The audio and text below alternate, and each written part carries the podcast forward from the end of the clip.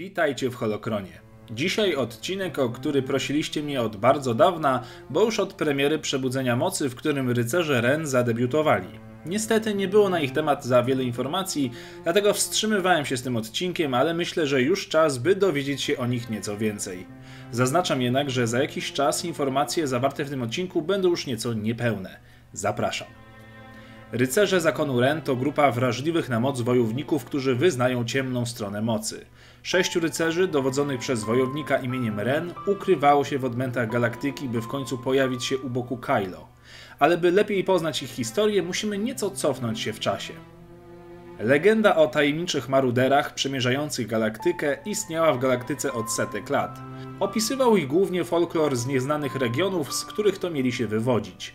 Nie wiadomo jednak, czy rycerze Ren byli tym samym zakonem Ren, który funkcjonował w czasach Nowej Republiki, czy też po prostu przyjęli oni ich tytuł i prestiż. Wiadomo jedynie tyle, że przemieszczali się na pokładzie nocnego myszołowa, potężnym statku klasy Obliet, niegdyś wykorzystywanym jako statek więzienny orbitujący na Oseritonie w nieznanych regionach. Członkami zakonu dowodził człowiek tytułowany po prostu jako Ren. Przewodziła im głównie filozofia polegająca na konsumowaniu energii ciemnej strony mocy. Moralność nie miała dla nich żadnego znaczenia, gdyż samych siebie uważali za czyste żywioły mocy.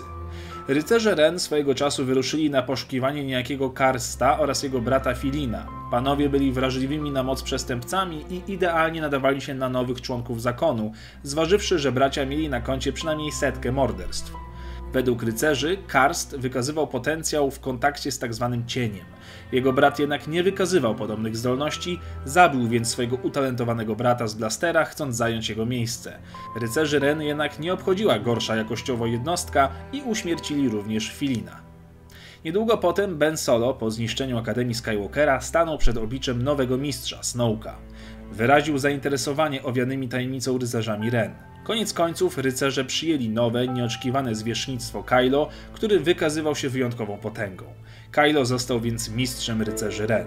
Wojownicy służyli u jego boku, aczkolwiek jak skończyła się ich historia, wiemy z ostatniego filmu. Słów parę o konkretnych członkach zakonu.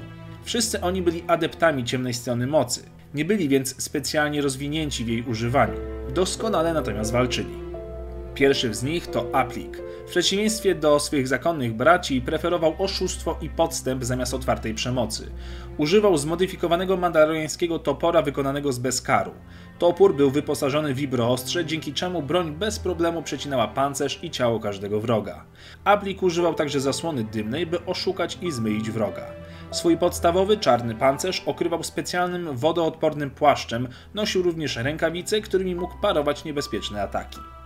Drugi członek rycerzy to Kardo. Jego specjalnością było dokonywanie obszarowych, niszczących ataków. Wspomagał się ogromną ilością broni blasterowej i technologicznych nowinek służących do zabijania. Modyfikował je tak długo, że w efekcie był jedną wielką chodzącą wieżyczką blasterową. Był również najlepiej opancerzony ze wszystkich rycerzy. Prócz wieżyczki blasterowej na ramieniu używał pistoletów i granatów, a także działka plazmowego. Jego szaty, wykonane ze skóry robaków Rifita, były odporne na ogień. Trzeci rycerz to wojownik imieniem Kuruk. Jego specjalizacją było bycie snajperem oraz pilotem nocnego myszołowa. Podczas walki trzymał się z daleka i likwidował wrogów precyzyjnymi strzałami. Jako jedyny nie używał w ogóle broni białej. Zamiast tego doskonale obsługiwał mocno zmodyfikowany karabin blasterowy posiadający różne tryby ostrzału. Nosił przy sobie sporą ilość różnego rodzaju amunicji.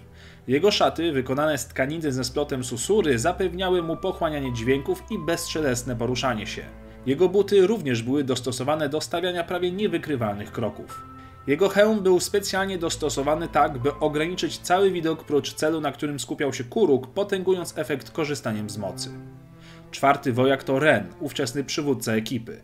Będzie o nim oddzielny odcinek. To, co jednak można powiedzieć o nim już teraz, to to, że osobiście rekrutował nowych członków rycerzy i pokazywał otwarcie swoje oblicze. Kierował się tylko i wyłącznie wolą ciemnej strony mocy, taką też ideologię przedstawiał innym. Jego życzeniem było, by członkowie zakonu podążali za jego filozofią, a nie za nim jako jednostką.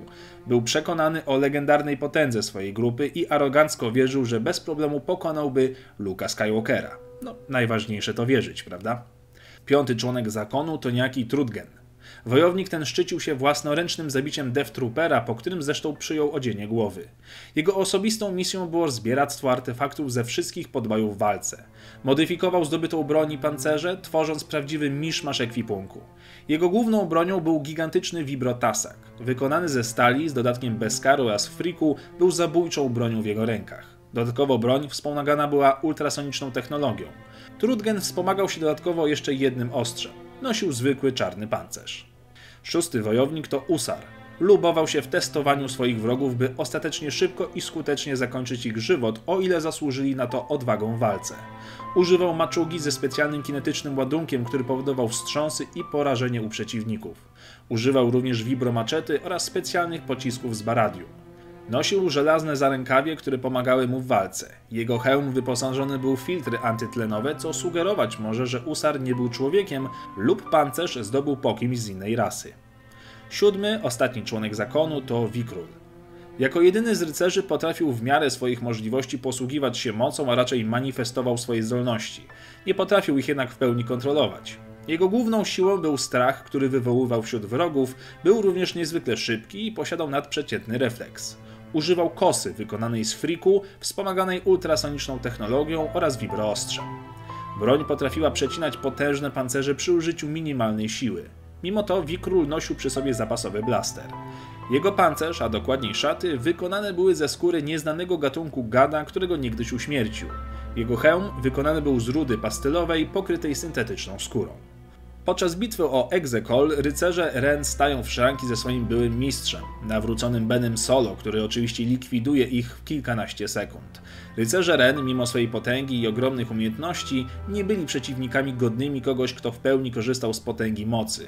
Kto wie jednak, czy aby na tym skończyła się ich historia. Skoro oni najpewniej przejęli dawny tytuł zakonu, być może zrobi to ktoś inny. To wszystko w tym odcinku. Dziękuję Wam za oglądanie. Dajcie znać w komentarzach, o czym chcecie kolejne odcinki. Dziękuję moim patronom za wsparcie oraz zachęcam do bycia jednym z nich. Dzięki Wam seria ma możliwość wciąż się ukazywać. Niech moc zawsze będzie z Wami.